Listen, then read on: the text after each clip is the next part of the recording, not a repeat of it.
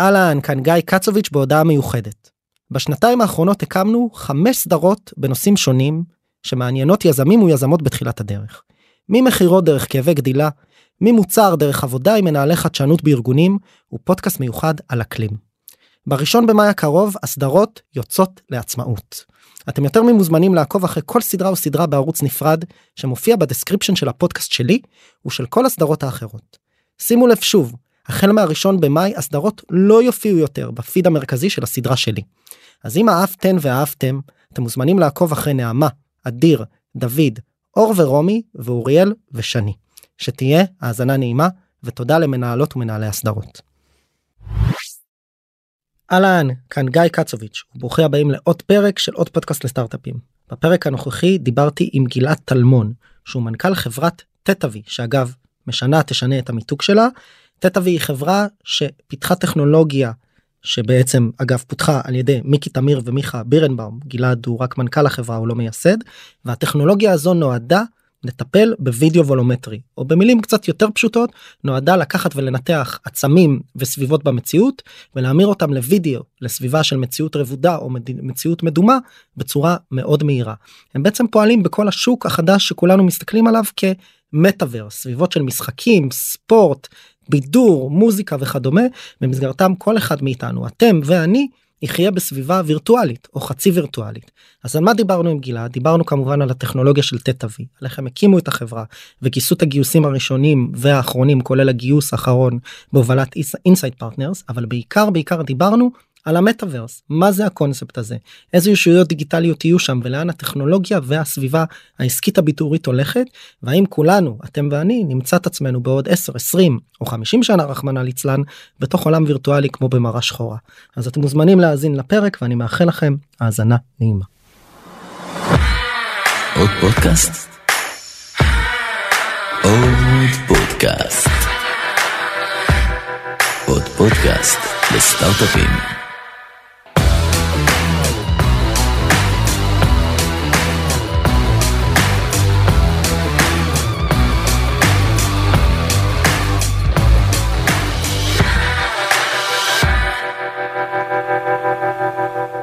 בוקר טוב גלעד מה שלומך?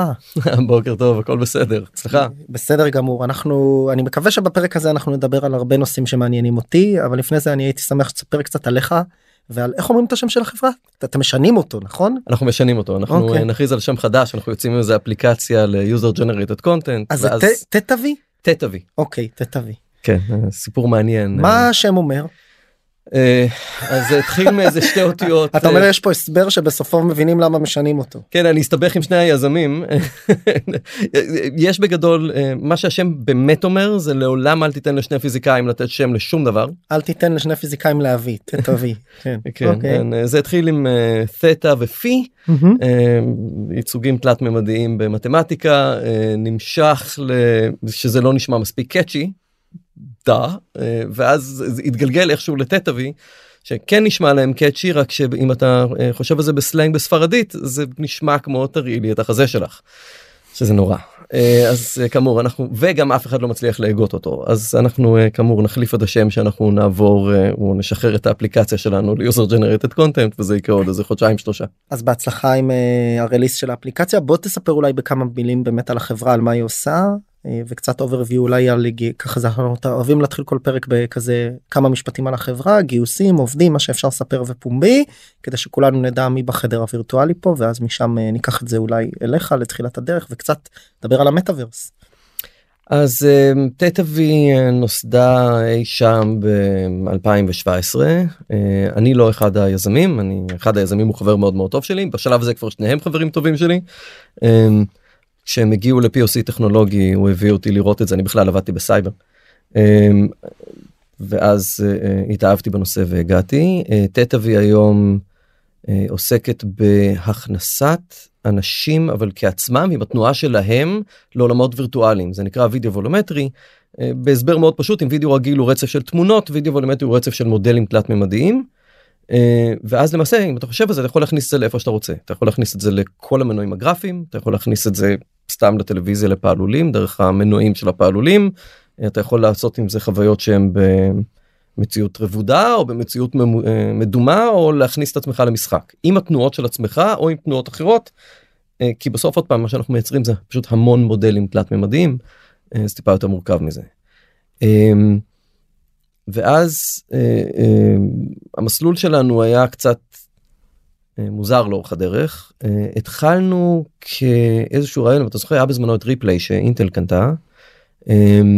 תטא והתכוונה שבעצם ריפליי מה שהם עשו הם הציבו שורה של מצלמות נכון אם אני מבין נכון לצורך העניין בתוך אולם הכדורסל כשלברון ג'יימס בא להטביע ויודעים גם בגלל יכולות עיבוד תמונה מאוד טובות ואלגוריתמיקה שהם בנו וגם בגלל איכות צילום מאוד טובה אנחנו שנייה למאזינים שלא מכירים אז אתה רואה את לברון ג'יימס והם עושים הדמיה שלו 360 ואתה יכול ממש להקפיא רגע את התמונה ולראות אותו מכל הכיוונים אפילו במקומות שבהם אין מצלמה. יש פה בעצם יכולת computer vision לעשות פרדיקציה איך התמונה תיראה מכל מיני זוויות ומכל מיני כיוונים. נכון כי זה היופי ברגע שאתה בונה מודל תלת מימדי של נכון. משהו אז אתה כבר לא מוגבל אתה ו... יכול להסתכל עליו גם מזוויות שלא הייתה מצלמה קודם. ואז נפשט את זה ברמת חוויית ה user שפעם ראשונה שומע על replay ועל האירוע הזה אז אנחנו בעצם רואים תמונה של לברון ג'יימס מקדימה ומהצד כי שם יש מצלמה אבל בעצם התמונה קופאת או עושה הילוך איטי ואנחנו רואים אותו מכל הכיוונים כמו באיזה משחק מחשב כאילו כאילו היה לנו מצלמות 360 אה, באולם. אז זה ריפליי אני חוזר אליך בדיוק אז מה שאנחנו התחלנו איפשהו במורד הדרך אה, לפני הרבה הרבה זמן היה לנסות ולייצר ריפליי רק ברזולוציה גבוהה יותר mm-hmm. באיכות גבוהה יותר עבור זירות קטנות יותר בעיקר אגרוף וקרב מגע וכולי. אמ, גם אם להציב מצלמות ב... כן במקום? כן אם להציב אוקיי. מצלמות הרבה פחות מצלמות מה שנקרא אנחנו... לוורטיקלים אחרים ובטכנולוגיה שמותאמת לוורטיקלים האלה. נכון והיה לנו בהקשר הזה היה לנו. אה, וזה עוד לפני שאני נכנסתי בהקשר הזה באמת היה לנו יותר מזל משכל כי אה, או את האילוץ שיש לסטארט-אפ כי בעוד שאינטל ומייקרוסופט וכל הגופים הגדולים שכולם מתעסקים בווידאו וולומטרי פשוט עוד פעם נדבר על זה אחר כך מטאוורס בכלל עולמות אימרסיביים אה, בעוד שהם כולם התבססו על עובדה שהם חברות גדולות ושפכו על זה ערימות של כסף. אה, לנו לא היה אז התחלנו להיכנס ולראות מה אפשר לעשות בעזרת בהתחלה machine learning ואחרי זה deep learning. Mm-hmm. ואז אני נכנסתי איפשהו אה, באמצע אה, 2018 אה, והסיבה שנכנסתי זה מעניין אני בכלל הייתי לפני זה בעולמות של defense גם שם התעסקתי במציאות אה, מדומה ורבודה הייתי באלביט בחטיבת אוויר הייתי בצוות שהכניס את כל המשקפיים של הטייסי קרב לתעופה אזרחית. אה, גם בשביל נחיתות לא, לא משנה כאילו המון אפליקציות כאלה של AR תמיד התעסקתי בזה אבל אני גם גיימר גיימר גיימר אני בן 46 התחלתי המחשב הראשון שלי קיבלתי הרבה שנים לשחק זה מה שאתה אומר. כן איכשהו יצא אבא שלי מראשוני אנשי מחשבים בארץ התזה שלו הוא עשה את ארכיטקטורות התוכנה של הצד.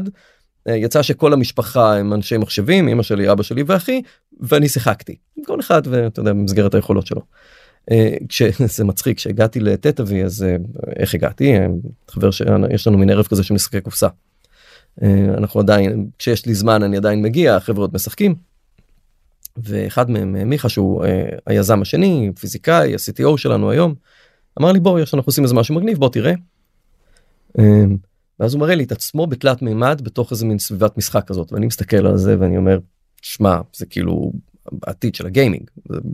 הוא הסביר לי מה הם מנסים לעשות אמרתי לו בכלל מי זה מעניין ספורט וזה תחשוב שוק הגיימינג הוא שוק ענק כל היצירות שעושים כל ה in-game cinematics זה קח את לברון ג'יימס במקום לשים אותו ב...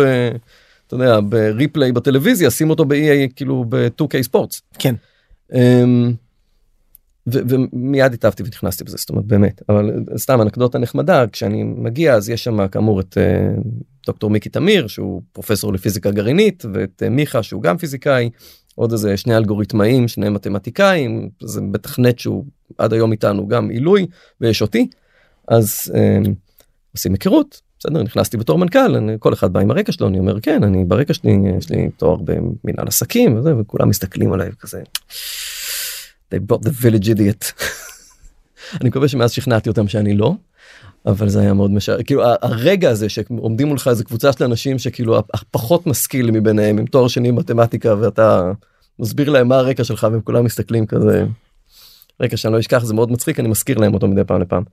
כשאתה הגעת הסיפור הזה של להמיר את החברה מעולמות של אה, טכנולוגיות וידאו לספורט לוורטיקלים אחרים מה שנקרא היום המטאוורס במובן הרחב גיימינג ו... ועולמות של מציאות רבודה ומציאות מדומה זה משהו שהיה ברור לך מלכתחילה. איך שראיתי את זה זאת אומרת אין באמת ה...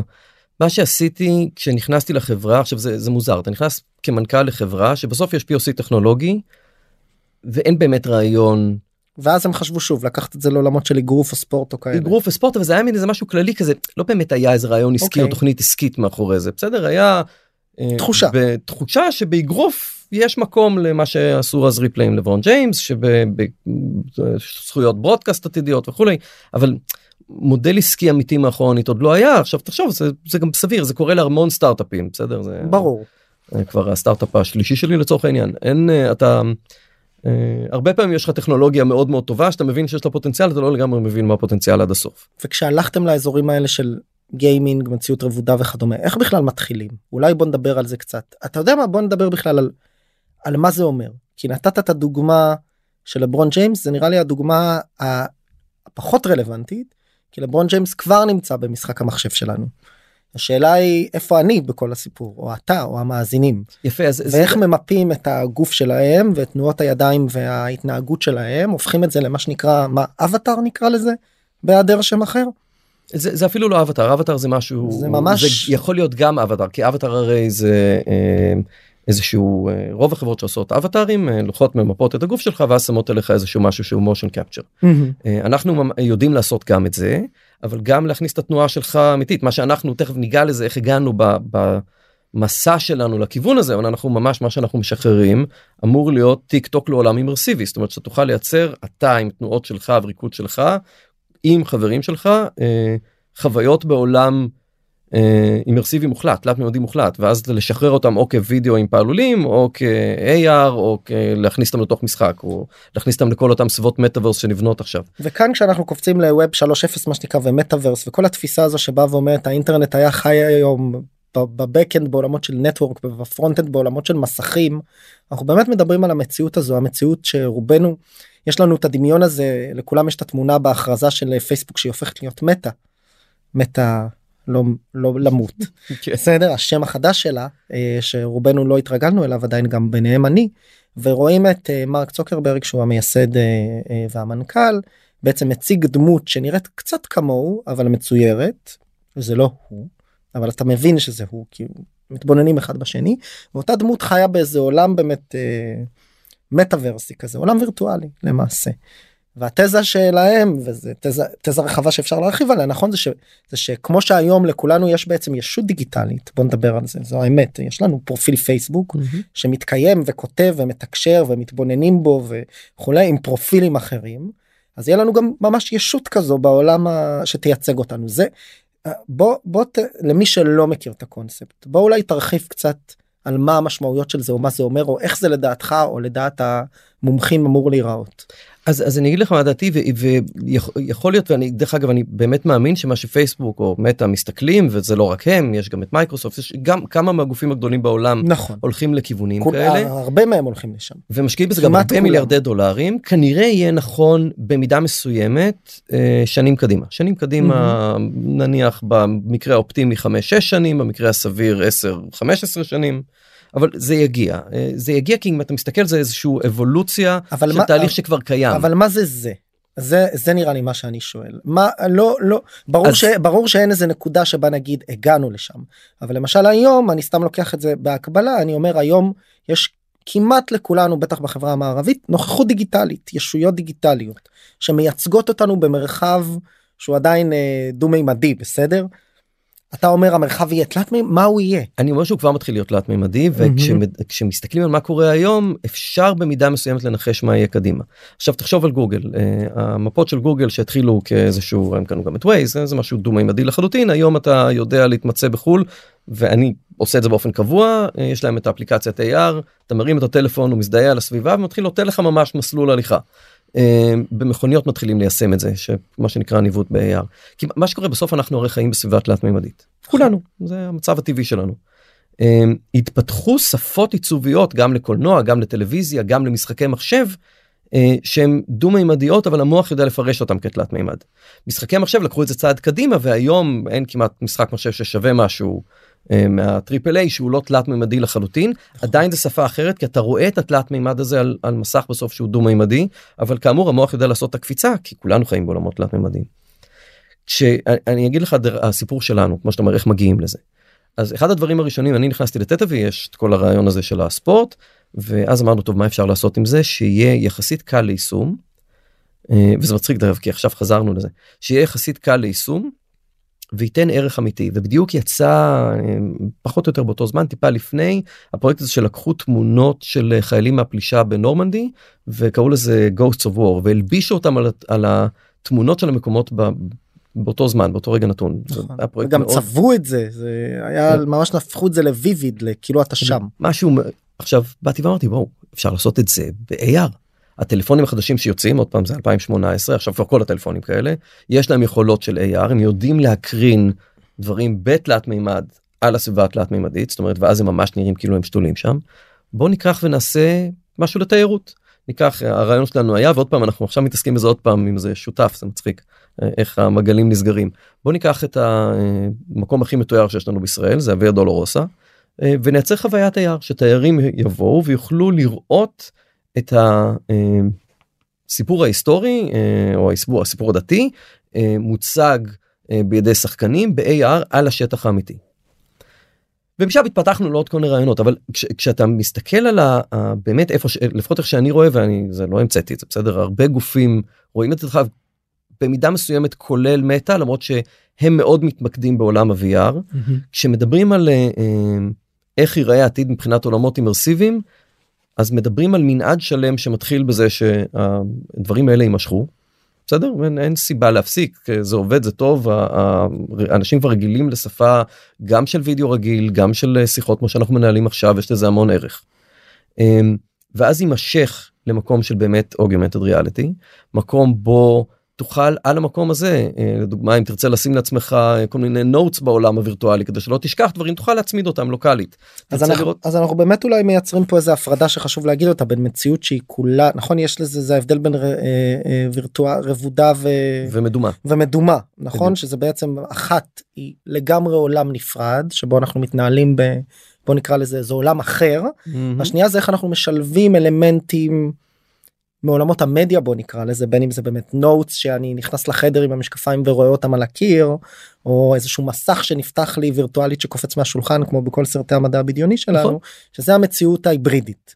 היברידית במובן, נכון אבל זה מעבר לזה תחשוב שאתה רואה סדרה בטלוויזיה או אפילו רואה אותה במציאות אה, מדומה זה לא משנה שמתנהלת בסנטרל פארק.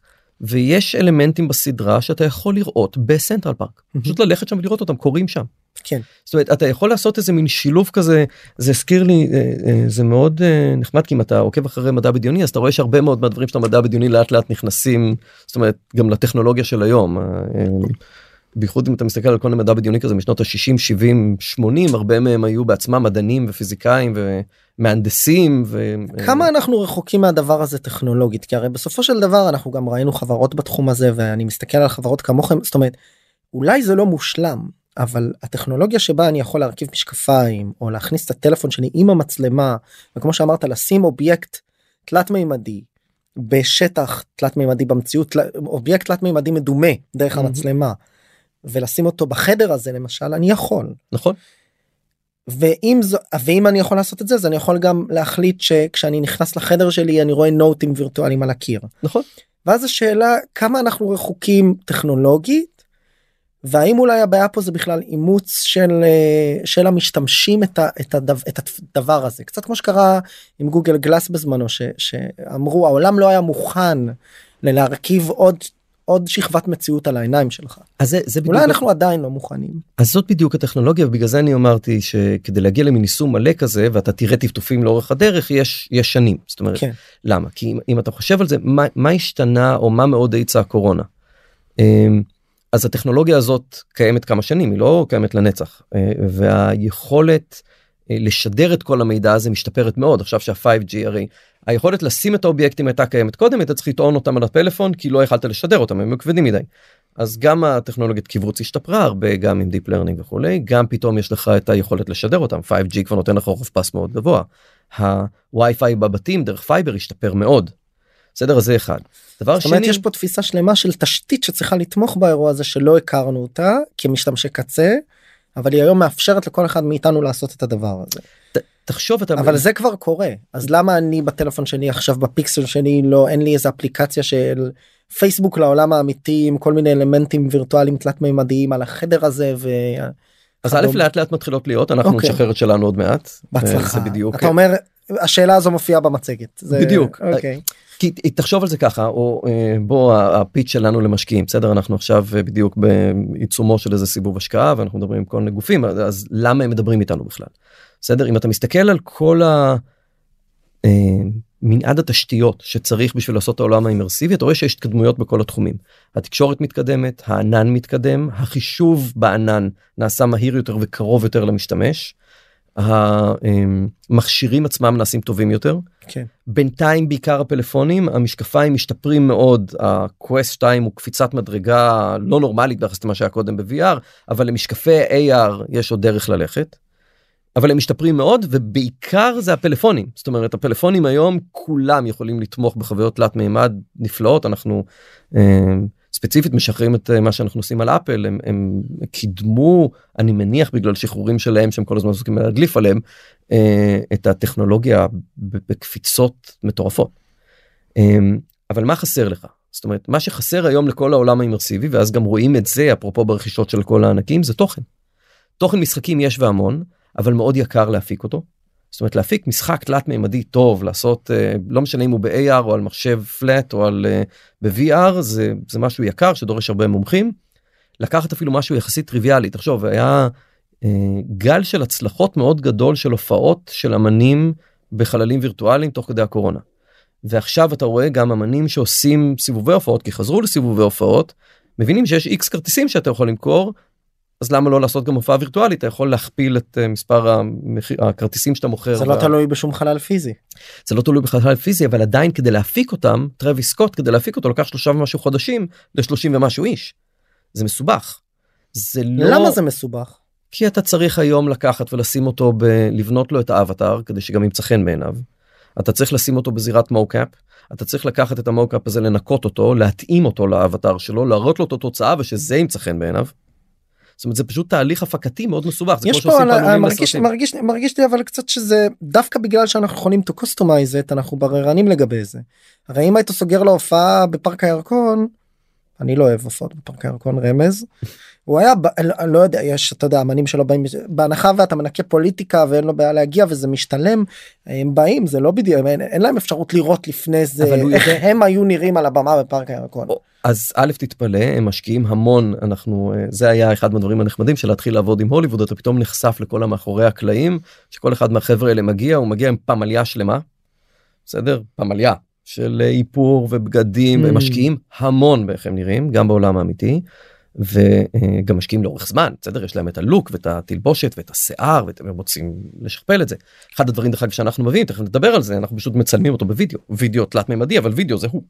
ואז כל מה שהוא עושה להופעה רגילה הוא פשוט עושה אותו הדבר ואז עשינו לאחד האמנים של טרוויס סקוט אה, עשינו איזה הדגמה של איך אנחנו לוקחים שיר שלו ושמים אותו בהופעה וירטואלית במקום שלושה חודשים של אה, כמה זה היה 35 או 36 אנשים עשינו את זה בשבוע עם בן אדם אחד. סתם כי פשוט כי אין את כל הקטע של כל ההפקה שלו פשוט מצלמים אותו בווידאו ומכניסים אותו. אז זה בעצם היכולת ברמת שנייה קפצנו מלמעלה למטה לטכנולוגיה שלכם ועשינו סיבוב וחזרנו. כן. בעצם אתם היום יודעים לנתח את הווידאו ואוטומטית להמיר את כל הרבדים בו לסביבה תלת מימדית.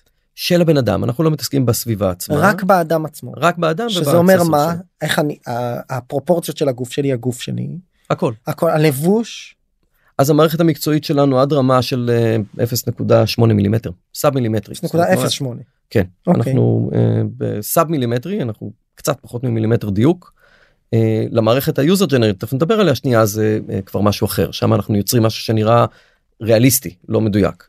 דרך אגב חלקית כי את זה אני אמור לצלם דרך הטלפון שלי כי זה אתה מצלם דרך הטלפון מזווית אחת ואז צריך לנחש איך אתה נראה מאחורנית והניחוש לא אמור להיות מדויק אמור להיות ריאליסטי. אבל כאמור פה נכנסת Tetavi כי הבעיה המרכזית היום של כל ה ecosystem ואז בגלל זה מייקרוסופט קונה gaming studios במיליארדים שנה שעברה 10 מיליארד השנה 70 מיליארד בגלל זה פייסבוק גם משקיעה וגם קונה gaming studios בגלל זה אפל קונה gaming studios כי הם ואפיק שהיא מנוע גיימינג משקיעה בחברות כמו SpringHill כדי להפיק תוכן.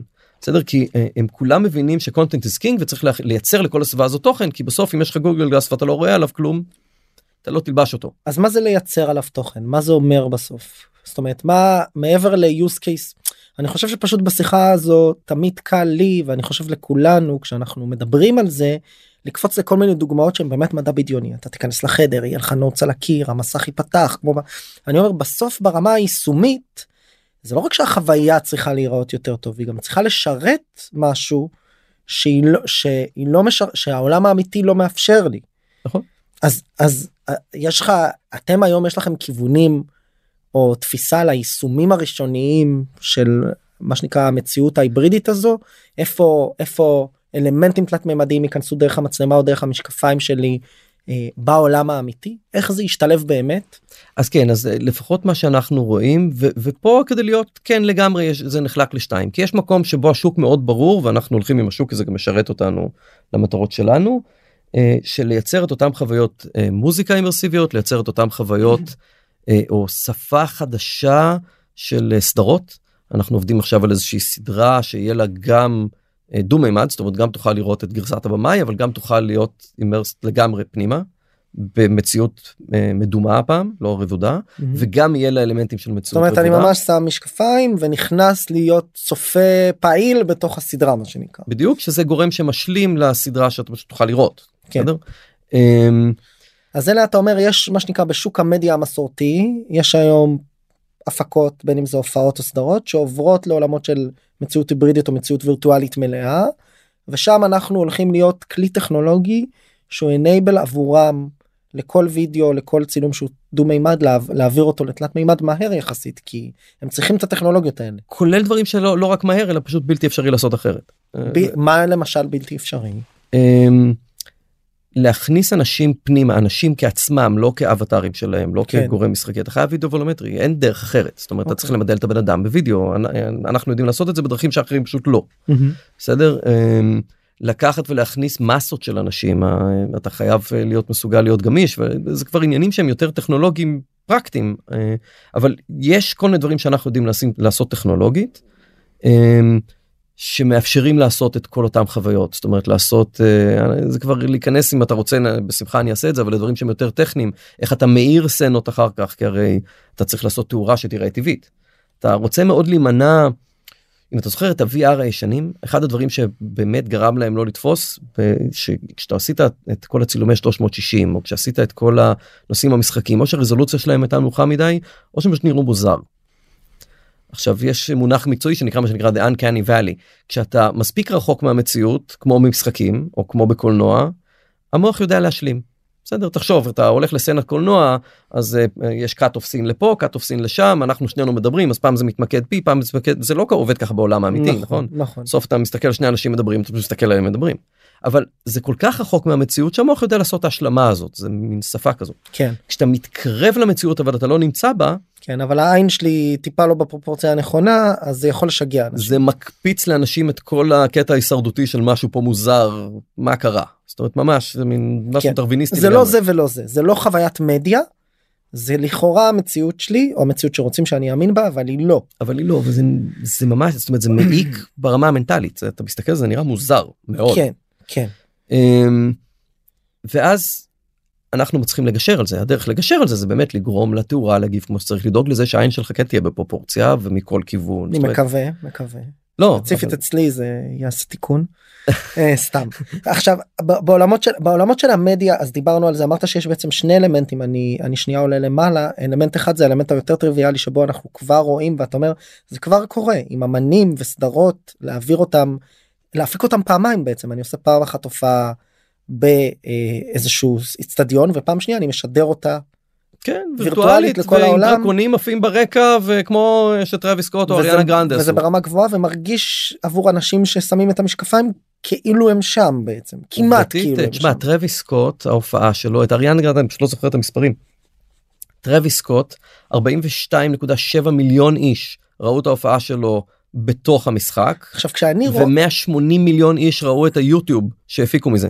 עכשיו כשאני רואה את החוויה הזו בתוך המשחק אני מרגיש קהל אני מרגיש את קהל, קהל, המסה. אתה מטייל ואתה הולך ויש סביבך אנשים וגם הוסיפו כל מיני זה גם אחד יכול לייצר אינטראקציות. אינטראקציות ואלמנטים משחקיים אצל אריאנה גרנדה הם התחילו להילחם במפלצות באמצע ההופעה זאת אומרת זה אתה עוד פעם זה יוצר מין שפה חדשה כזאת זה היופי אתה לא מנסה לשכפל את העולם האמיתי אתה מנסה לייצר משהו שמשלים אותו כמין חוויה Mm. כיפית משלימה שבלתי אפשרית בעולם האמיתי. כי תשמע אני אם אני יכול ללכת לראות את טרוויס סקוט אני אלך להופעה.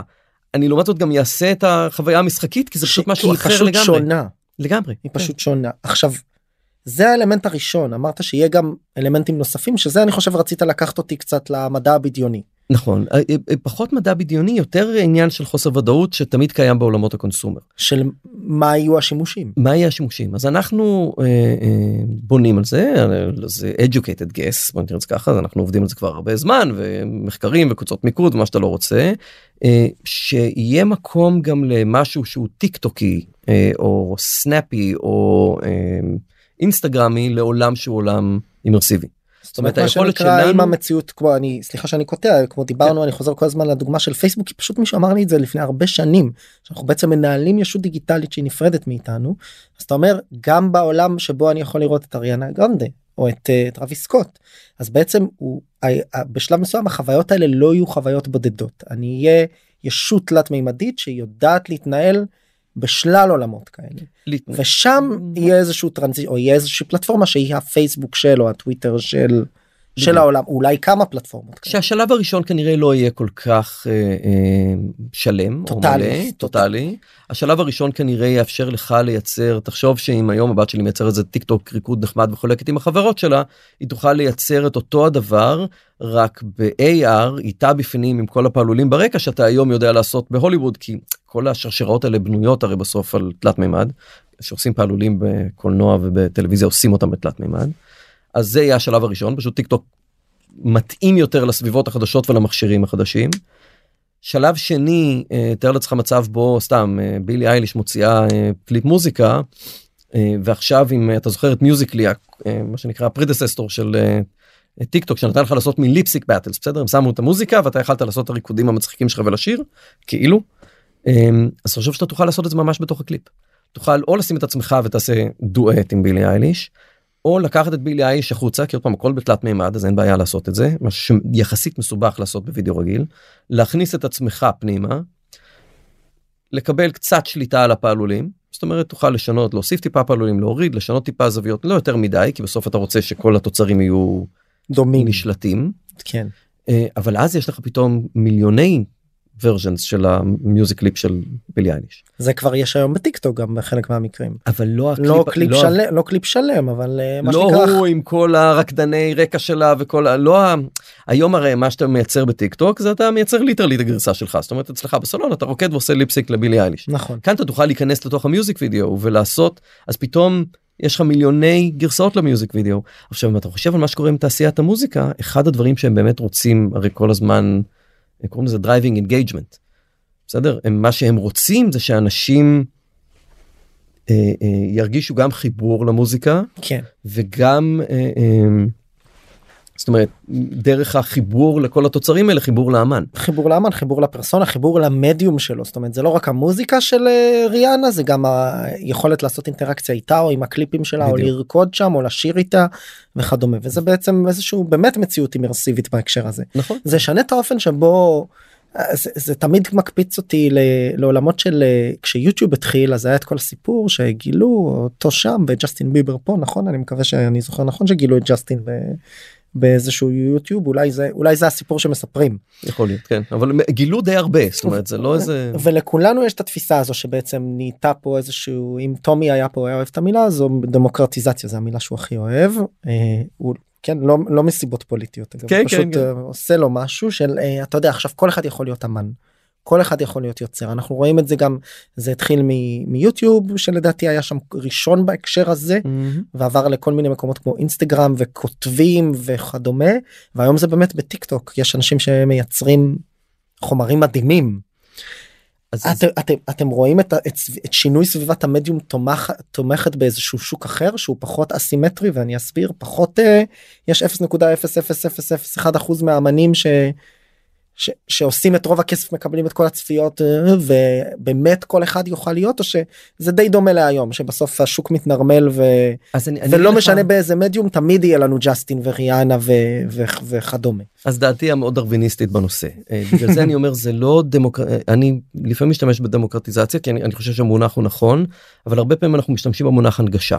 הרי מה קורה יש לך המון המון המון אנשים כישרוניים בחוץ באמת המון כמויות אינסופיות נכון. שפשוט אין להם את היכולת להגיע לכלים.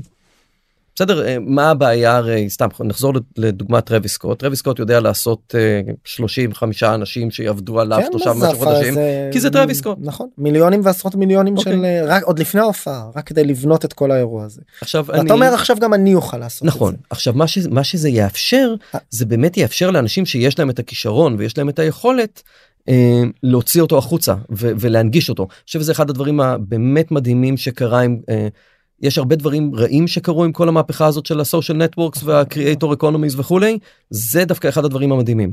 אה, סתם זה סיפור נחמד גם סיפור אישי. ה- אה, בת הגדולה שלי שאני מקווה שלא תהרוג אותי שאני משתמש בה כדוגמאות היא בת 15 בכל זאת. אה, התחילה לעשות שידורים בטוויץ'. ואחד הדברים שהדאיג אותי שידורים בזמנו של מה? משחקים? משחקים, כן. משחקת. משחקת היא גיימרית כמו אבא שלה. אמ, ואחד הדברים שהטריד אותי בהתחלה זה תשמע קצת אה, טוקסיסיטי ברשת כאילו באמת בסוף היא הייתה בת 13 משהו כזה שהתחילה זה די הדאיג אותי. אה, עד שהסתכלתי על ההערות שהיא קיבלה.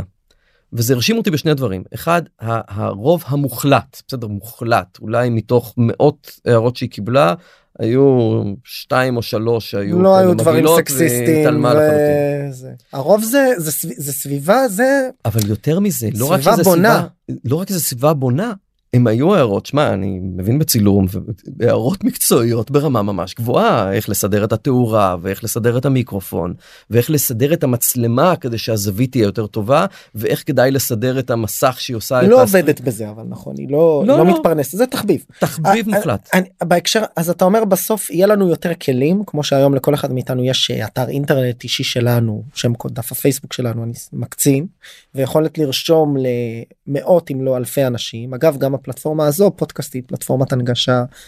נכון. לי לא הייתה יכולה להיות כנראה תוכנית רדיו לפני אה, עשר שנים.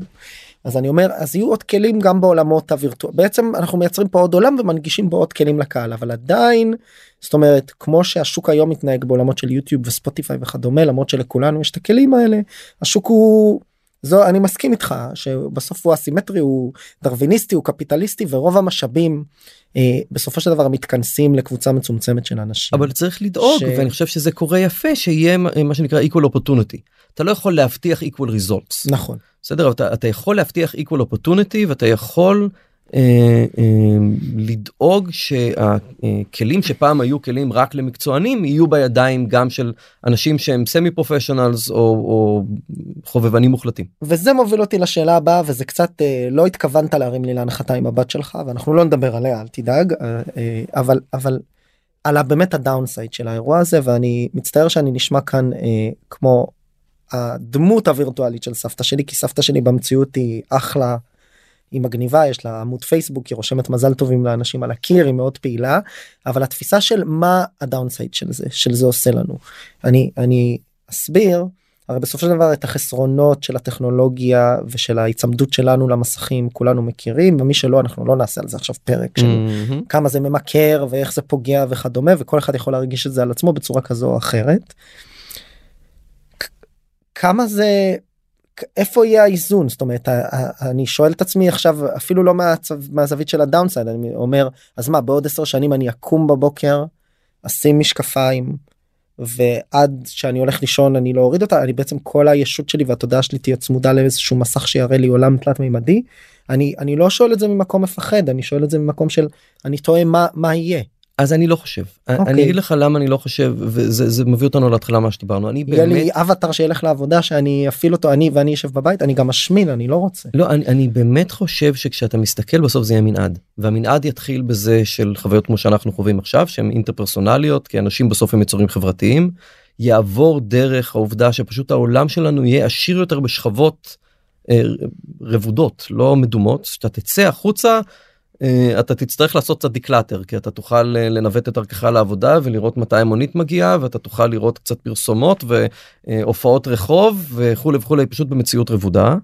ויהיו גם אלמנטים בעיקר בידוריים ו enterprise כאלה זאת אומרת ומוקשרי וקשורי עבודה ו training ודרך אגב טיפול ותרפיה ורפואה שהם גם ב-VR אבל זה, זה איזשהו מנעד. אני דווקא הייתי בטוח שאתה הולך לשאול אותי על משהו אחר שאני יכול להגיד לך שה...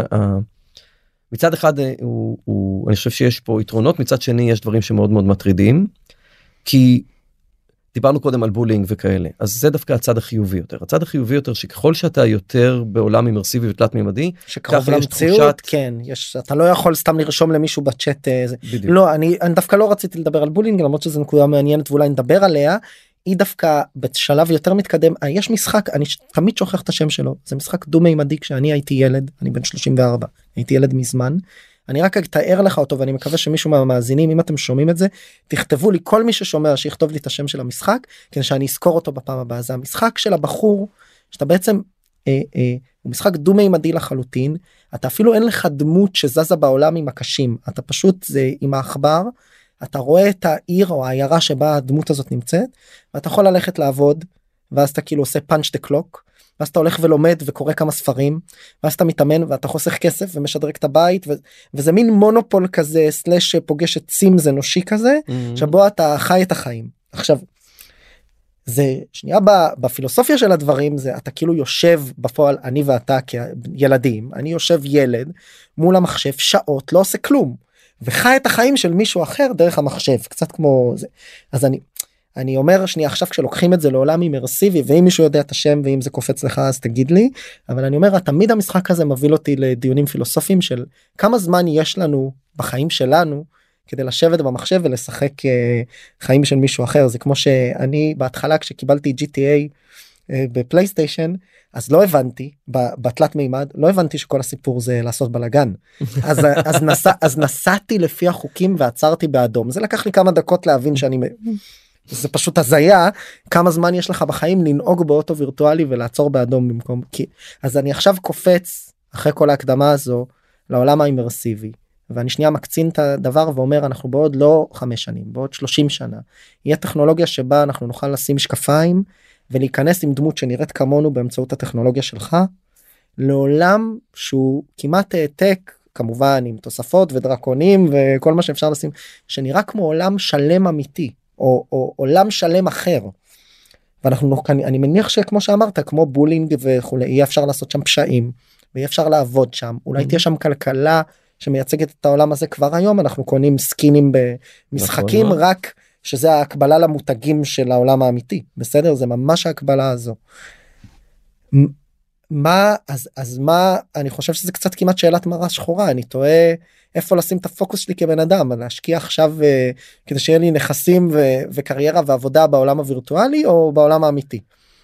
אז זה בדיוק הקטע האם זה ישנה את החיים א' אני בטוח שזה ישנה את החיים אני לא בטוח שלשלילה כי עוד פעם אה, יכול להיות שאני אופטימי ולא יכול להיות אני בוודאות אופטימי. אה, אני לא חושב שזה עוד פעם אני אקח את הבת שלי כדוגמה כי זה דווקא דוגמה במקרה הזה דוגמה מאוד קלה כי הרי מה שתיארת את המשחק היום קיים דה פקטו ברובלוקס רק בתלת מימד.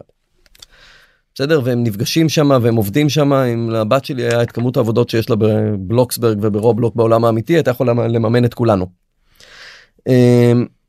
וזה אני מדבר על הקטנה אפילו לא על הגדולה. אמ, אבל היא חלק מהמועדון מעריצים של Stranger Things. בסדר ואז תוך כדי הקורונה פתאום אה, זה מין מועדון כלל עולמי כזה יש לה חברות בבוסטון וחברות ביפן וחברות באירופה all over the place. אז קרו שני דברים מעניינים אחד אה, שנה שעברה הם שיחקו סיקרט סנטה אה, דרך אמזון. עולמי. דבר שני עכשיו אנחנו בקיץ אנחנו הולכים להיות בארצות הברית יש לנו את ההשקה הגדולה של האפליקציה בטא הפתוח אז אנחנו יוצאים לשם לאיזה חודשיים והיא כבר קבעה עם חברות אז מצד אחד בעולם האמיתי בעולם האמיתי מצד אחד זה יוצר באמת איזושהי הפרדה ותכף אני אספר איזה סיפור שיסביר עד כמה אני גיק. זה פשוט נורא. Uh, um, זה, זה יוצר איזושהי הפרדה מצד שני זה גם מקרב מאוד תרבויות. זה, כאילו, זה, זה מה שנקרא עולם. זה עוד extension שלו לגלובליזציה אז יש פה זה אז אנחנו, אנחנו באמת לא במקום הנראה לעין שבו נשב נתחבר לזונדה אני לא חושב שזה אי פעם יקרה. והגוף שלנו יצרך את הצרכים הבסיסיים אבל כל הישות שלנו תתקיים בעולם וירטואלי. אז אני אני באמת לא חושב שזה אי פעם יקרה כי אנשים הם יצורים סוציאליים אז יהיה לך את החיים שלך שאתה עושה כנראה עם אנשים שרחוקים יותר ממך בעולמות וירטואליים. ויהיה את העולמות הרגילים כמו שאנחנו אני הייתי ילד היינו יושבים כל החבר'ה ועושים לפעמים איזה חוות שרתים ומשחקים ביחד. אז היום הם כבר לא צריכים את זה הם מביאים את האייפדים ומשחקים ביחד ברובלוקס שמנצלים את העובדה שהם באותו חדר כדי לרמות את כל יתר האנשים שאיתם במשחק ולא רואים שהם מדברים בצ'אט. זה לא אני לא חושב שזה חליפי פשוט בגלל הטבע האנושי. אני כן חושב ובגלל זה כולם מדברים על זה שהמטאוורס יהיה לא יודע 800 מיליון מיליארד דולר טריליון דולר וכולי שכן תתפתח כלכלה. כי בסוף אתה רואה את זה גם במשחקים היום אנשים קונים סקינים אנשים רוצים אה, רכב וירטואלי יפה יותר. כן, רק כדי לסבר את האוזן אני בדקתי נכון בפורטנייט אם אני לא טועה רוב ההכנסות שלהם אם לא כולם זה מסקינים נכון? כן, לדעתי כולם. אז אז אה, למשל ב2000 בדקתי את זה לדעתי השבוע ב2019 או 2020 זה היה מעל השלושה מיליארד כאילו בין שלושה לחמישה כן, מיליארד דולר אני לא זוכר את המספר. זה סכומים זה לא אנשים קונים סקינים אנשים אומרים אה בסדר כמה מיליונים כמה עשרות.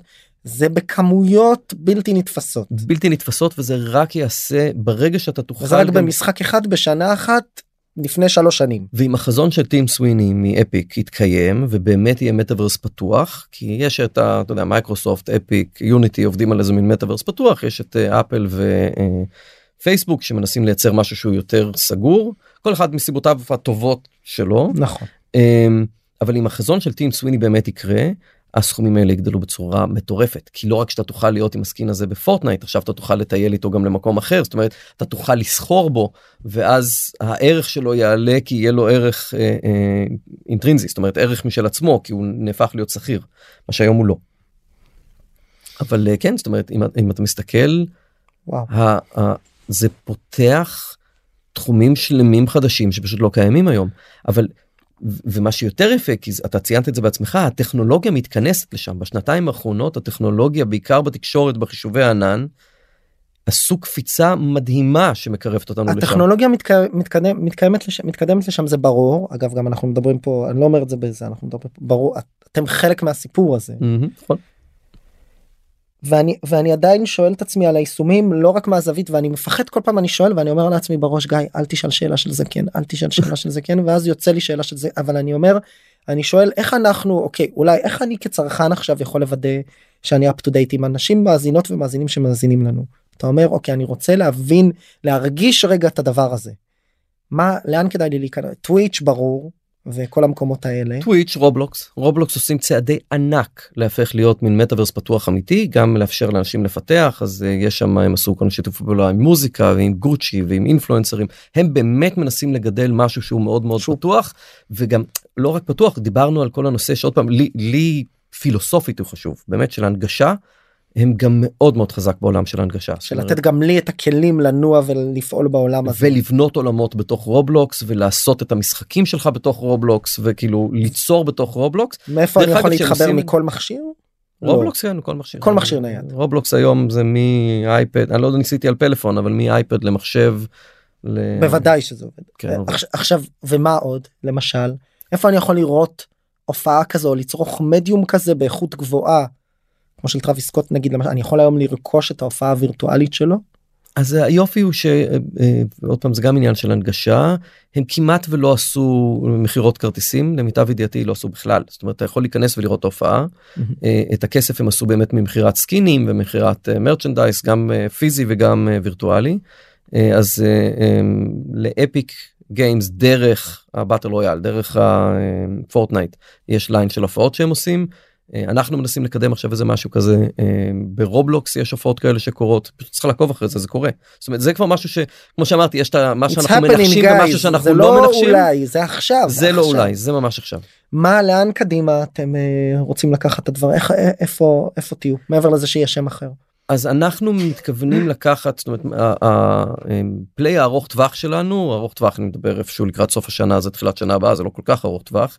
הוא אה, באמת לייצר את אותה פלטפורמה שמאפשרת לכולם לייצר תוכן אימרסיבי עם עצמם זאת אומרת להכניס את עצמם לתוך עולמות אימרסיביים אה, לסרוק סביבות וכאילו לעשות אינטראקציה איתם אה, ולצרוך תוכן שהוא תוכן מקצועי.